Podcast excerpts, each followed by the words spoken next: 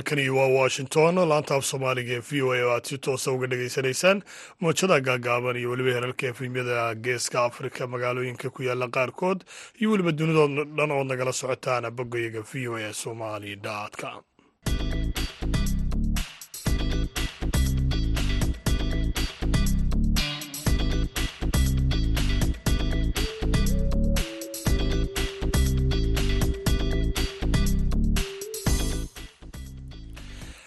duur wanaagsan dhammaantiinma dhegaystayaal meel kastoo aad joogtaanba waa salaasa. Taariikhduna ay tahay afariyo tobanka bisha noofembar ee sanadka laba kun iyo saddexiyo labaatan. Haatan dhegeystayaal saacadda afrikada bari waxa ay tilmaamaysaa koodiyo barhkii duurnimo idaacaddana waxaa halkan idinkala socodsiin doona. Aniga oo cabdixakiin maxamuud shirwac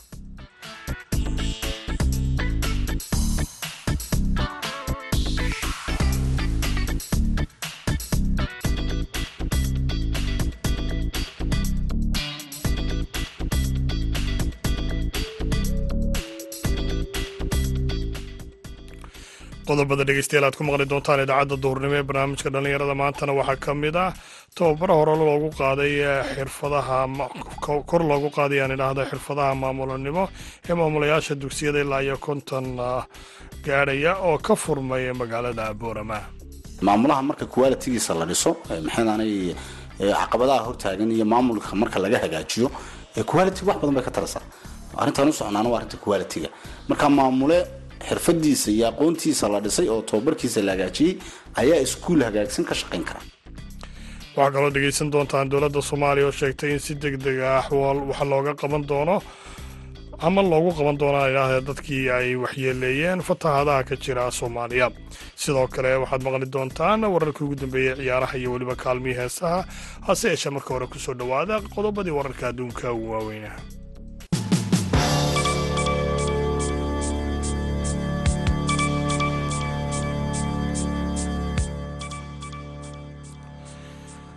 ururka caafimaadka adduunka ayaa ku tilmaamay cusbitaalka ugu weyn ee marinka qasa mid sida xabaalaha oo kale ah.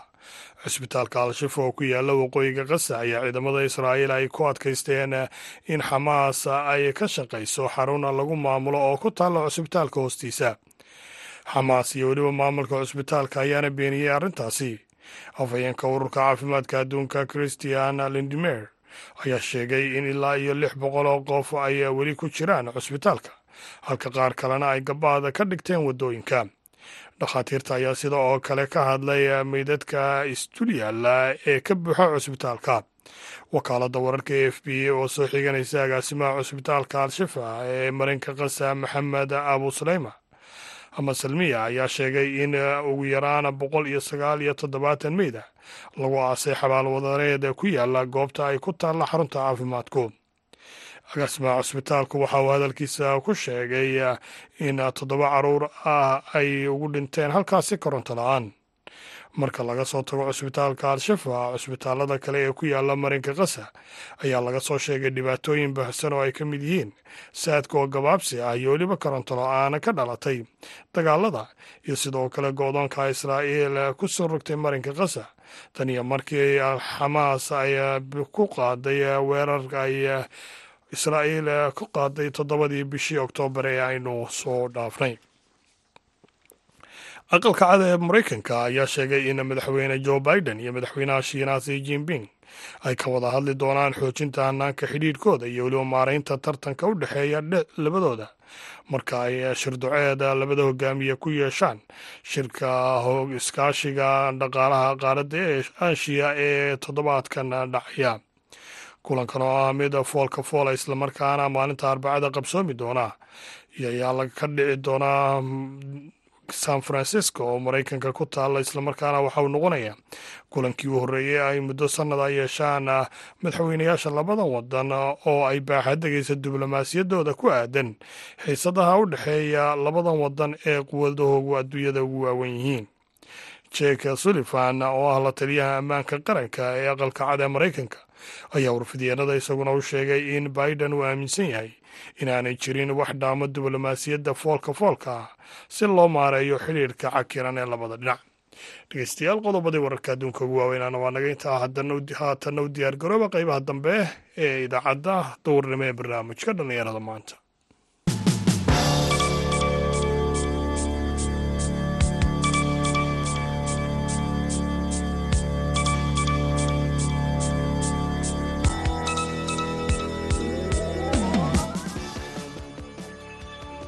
magaalada boorama ayaa lagu qabtay tobabar loo qabanayay ama la siinayay dugsiyo ilaa iyo konton dugsiyo oo kala duwan oo ah dugsiyada sare ilaa iyo ee magaalooyinka boorama kuwaasoo ka kala yimi hargeysa iyo gabiley ujeeddada tobabarkan ayaa ah sidii sare loogu qaadi lahaa tacliinta iyo weliba habka loo maro ee dugsiyada. Haashim sheekh cumar good ayaa arrimahaasi ka waraystay guddoomiyaha waxbarashada ee degmada boorama xuseen caateeye gaafane. Magacaygu waa xuseen caateeye gaafne waxaan ahay guddoomiyaha wasaaradda waxbarashada ee degmada boorama saaka hotel rays magaalada boorama waxaan ku qabanay tobabar ballaaran kaasi oo ka qayb qaadanayna ilaa konton maamul oo iskaga kala yimiday degmada boorama degmada gabley iyo degmada hargeysa. Maamulayaashaasi dhammaantood waxaa lagu tababari doonaa dugsiyada iyo shaqada maxay school management waxaa la yidhaahdo waa siduu maamulo kasta iskoolkiisa wixii halkan tababarka lagu siiyo ugu dabaqi lahaa taasi oo laga rabo school environment la fiican xaaladda deegaankiisu fiican tahay waxbarashadiisa qualitygiisu fiican tahay ardaydiisu nidaamsan tahay. Xogab dheeriya oo kale ayaa tababarkani lagu siin doonaa maamulayaasha oo waxaa la rabaa in sanadka cusub boorka laga jafo baahiyaha macalimiintu haddii ay inuu gaab kaga jirtay habka maamulka dugsiga in wax badan daaha looga faydo ayaa la rabaa. Dugsiyadaasi aad tababarka u qabanaysaan tiradoodu waa imse dugsi? Waa konton dugsi kontonka dugsiya kontonka maamulayaal ka socdaan weyaan marka qaar baa waxay isku jiraan sare iyo hoose dhexe. Markaa maamulihii sare iyo hoose dhexe isku maamulayay dee hal maamulo baa ka imanaya. Laakiin maamulayaasha targetku intuu yahay waa konton. Ujeeddada markaa tababarkan aad ka leedihiin kor u qaadista dhinaca maamulka maahe tayeenta dhinaca waxbarashadu ma la xidhiidha? Ha qeyb weyn bay ka tahay. Maamulaha marka qualitigiisa la dhiso maxaynaanay caqabadaha hortaagan iyo maamulka marka laga hagaajiyo quality wax badan bay ka taraysaa arrintaan u socnaana waa arrinta qualitiga marka maamule xirfadiisa iyo aqoontiisa la dhisay oo tababarkiisa la hagaajiyey ayaa iskuul hagaagsan ka shaqayn kara. Yaa wasaaradda waxbarashada ka caawinaya tababarka noocan oo kalea ee ay u qabanayaan maamulayaasha kontonka dugsi ka socda waxaa naga caawinaysaa oo bartnershipka arrintani hay'adda unicef oon uga mahadnaqayno. Sidoo kale waxaa nala jooga wasiir ku-xigeenkii wasaaradda waxbarashada. Waxaa jooga agaasime waaxido ka tirsan wasaaradda waxbarashada iyo sayniska somalilan ee heer qaran kuwaasoo dhammaantoodba layskula riixayo oo laga wada shaqaynayo si mashruucan u guulaysan. Maamulayaashu waxay u badan yihiin rag dhallinyaraa ma ku jirtaa in waayo aragnimada dhinaca maamulka ay isdhaafsadaan dhallinyarta iyo ragga maamulayaasha hore ahaan jira waa run haashimo waxaa ku jira saaka shirka waxaa nagala soo qayb galay maayarka magaalada boorama maxamed axmed warsama baradhe. Waxaa fadhiyey maamulihii isaga qoray dugsiga marka uu aada ugu maxaanay halkaasi uga dhex salaamay sidoo kale wasiir ku-xigeenka wasaaradda waxbarashada joogtay gabadhii maamulaha ahayd ee maxadan waxbarashada qortay. Rag junior cusub oo hadda maxaanay dee ragga aqoonta iyo lagu tuhmayo ayaa iyaguna jooga. Wax weyn bay ka taraysaa tobabarka noocanaya iyagoo weliba degmooyin kala duwan oo saddex degmaa ka yimid markay inay isdhex galaan oo ay kala kororsadaan aqoon kala kororsadaan. Hadaladeeda saakay ka mid ahayd inay isdhex galaan inay sarkaan in midba waxay dugsiga kale uu kaga duwan yahay ay xataa dugsiyada boorama inay booqdaan maamulayaasha ka yimiday dugsiyada kale. Markay gelinka dambe markay dhammaadaan trainingku markuu dhammaado inay baxaan oo maamulayaasha kale ay raacaan. Soo arkaan wixii dugsigooga kala faa'iidaystaan. Kani haddii dugsigiisa wax noocaas uu sheegaya kani anuuna ka jirin ama imkaaniyaadka uu ku shaqaynayo technically inuu kan kale ka faa'iidaysan karo. Marka waa arrin ay u kala faa'iidaysanayaan. Ardayda dugsiyadaasi wax ka barata ee maamulayaashooda tababarka loogu qabanayo halkan maxay ka faa'idi karaan ardayda dhallinyarada ee dugsiyada wax ka barta?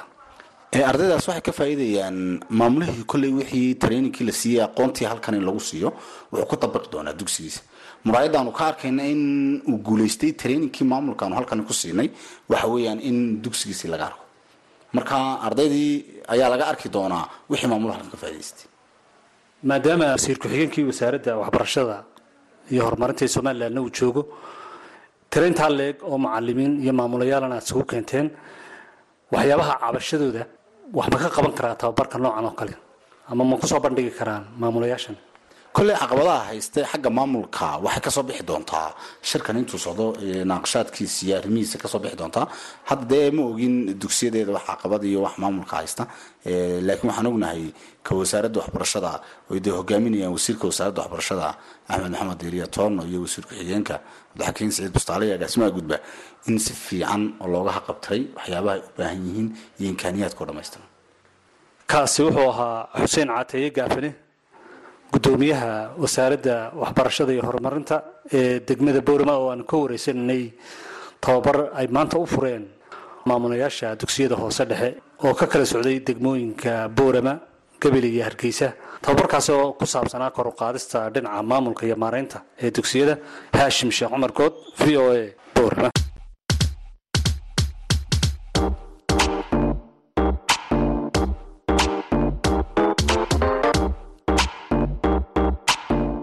idaacadda v o a waxaad si toos uga dhagaysan kartaa efemyada magaalooyinka geeska afrika. Haddii aad joogto magaalada muqdisho waxaad v o a ka dhagaysan kartaa v o e da f m teda sagaal iyo sagaashan dhibic sagaal iyo raadiyo muqdisho f m teda sagaashan dhibic eber eber. Redio kulmiye f m-ta sideed sideed redio resala hal eber labo dhibic labo hargeysa sideed sideed dhibic eber v o a. Haddii aad kismaayo joogto v o e da waxaad ka dhagaysan kartaa raadiyo sooyaal f m sideed sideed dhibic eber.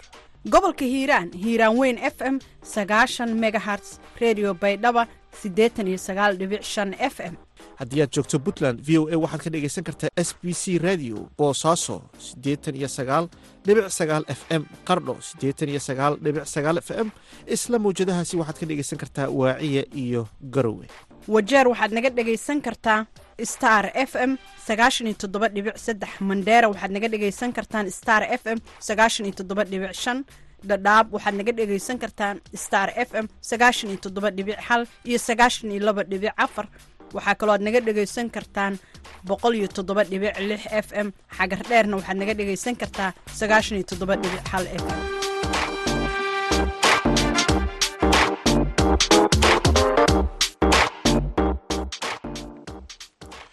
Waagaag dhegeystayaal warbixino kaloo arrimaha dhallinyarada ku saabsan way noo soo socdaane haatanna aynu jalleecno dhinacii kaalmaha heesaha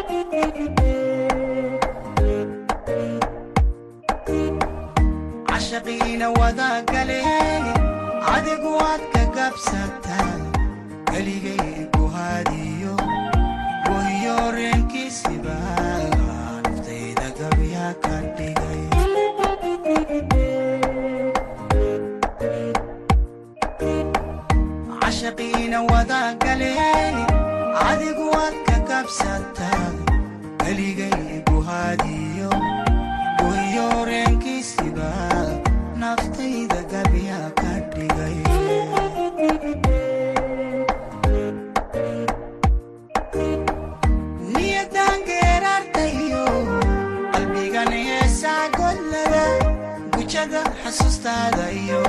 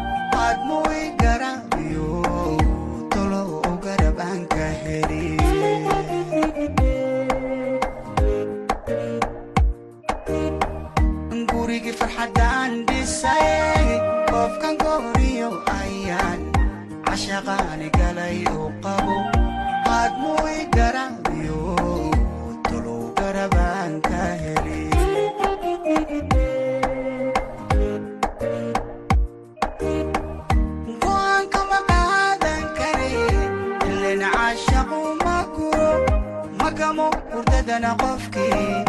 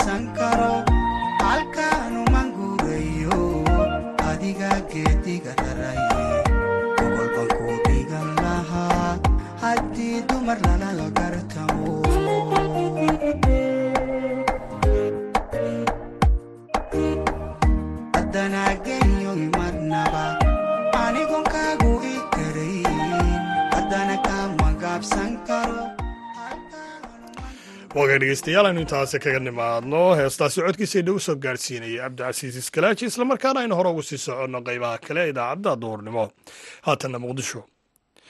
Daad xooggan ayaa ku soo rogmaday meelo ka mid a soomaaliya iyadoo daadkaasi amaba daadad kala duwan halkaasi ka dhacay ay barakiciyeen. Dad kala duwan islamarkaana ay sababeen dhimasho iyo weliba burbur hantiyeed dowladda soomaaliya ayaa kulan deg deg ah oo ku saabsan arrintaasi sidii wax looga qaban lahaa shalay ku qabatay magaalada muqdisho. Waxaana shirkaasi guddoominaya madaxweynaha soomaaliya xasan sheekh maxamuud. Haddaba cabdiqaadir maxamed musno ayaa arrintaasi faahfaahinteeda inoo hayaa. Madaxweynaha soomaaliya xasan sheekh maxamuud ayaa shalay guddoomiyey kulan deg deg ah oo golaha wasiirada ee dowladda soomaaliya ay ku yeesheen magaalada muqdisho kaasoo looga hadlayey masiibadii ka dhalatay roobabkii daadadka xooggan keenay ee ka da'ay qaybo badan oo ka mid a gobollada soomaaliya kaas oo khasaare nafeed iyo mid maaliyadeed geystay. Ra'iisul wasaaraha soomaaliya xamse cabdi barre oo ka qayb galay shirkaasi ayaa madaxweynaha warbixin ka siiyey dadaalada iyo gurmadka socda isagoo u sheegay in xukuumadda ay guddi u saartay wax ka qabashada dadka ay waxyeelada soo gaartay wasiirka warfaafinta ee soomaaliya daa'uud aweys ayaa iiga warramay faahfaahinta shirka waxyaabihii ugu muhiimsanaa ee diiradda lagu saaray iyo wixii ka soo baxay.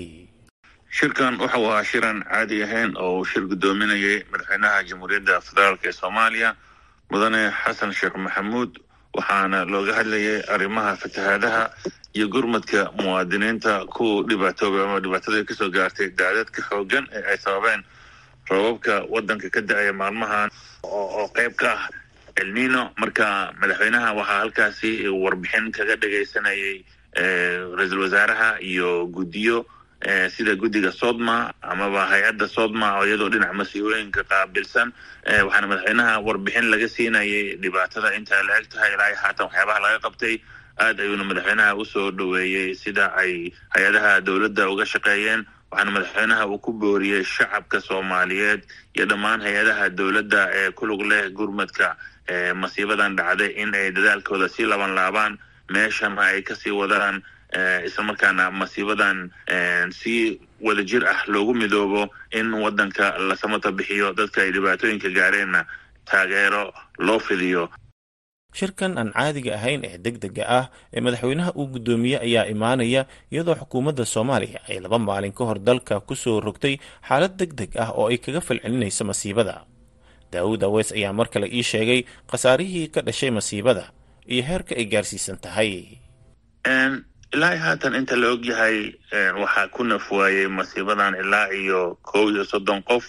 Inta aynu haatan ognahay shan boqoloo kun oo qof ayaa ku barakacay. Dad ilaa iyo hal milyan laba boqol oo kun gaarayana waa ay aafeeyeen.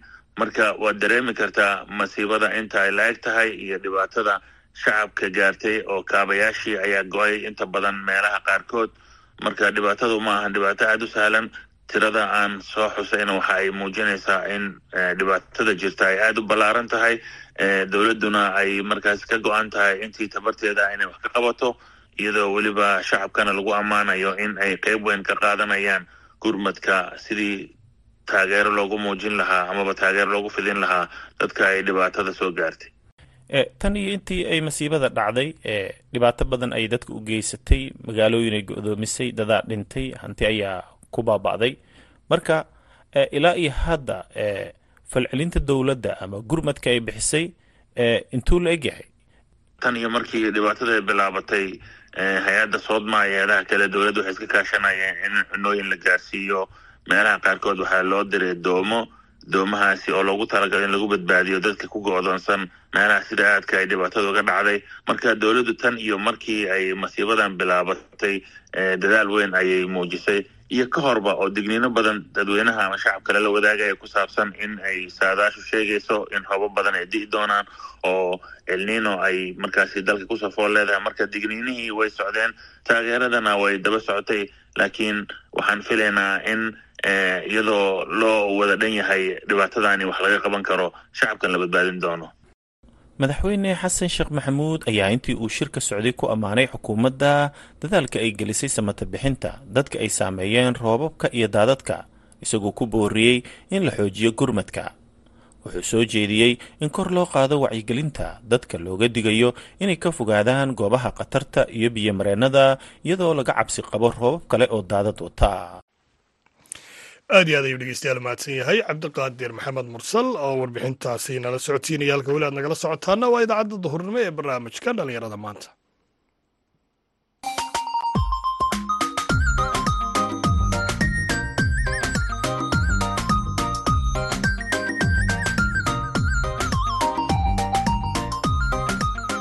Bandhiga v o a barnaamijka bandhiga v o a waa barnaamij idinku tala gashay laanta af soomaaliga ee v o a.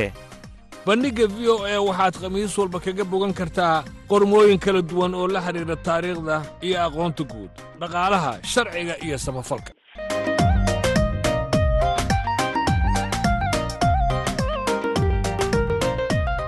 Haddii aad rabto inaad wax ka ogaato taariikhda dunida iyo aqoonta guud ha moogaan bandhigga v o a bandhiga v o e kala soco laanta af soomaaliga ee v o e maalin kasta oo khamiis ah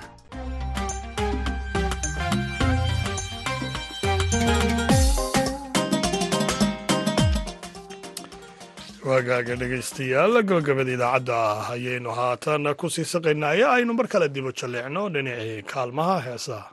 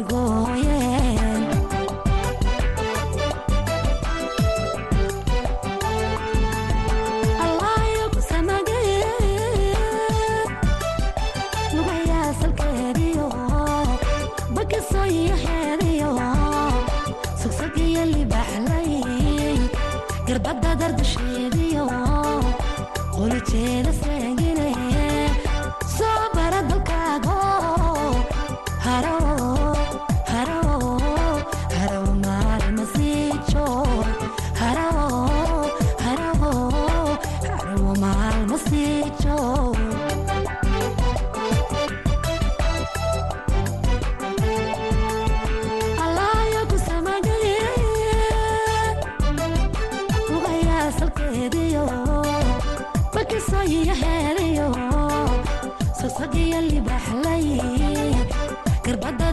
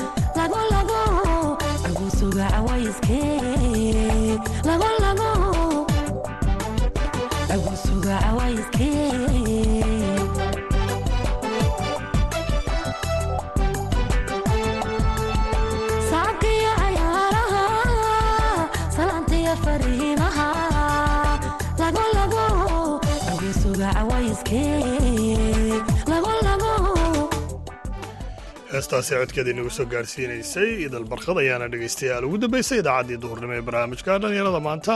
Tan iyo kulantay dambe waxaan idin leeyahay dhammaantiinba sidaa iyo nabahadgelyo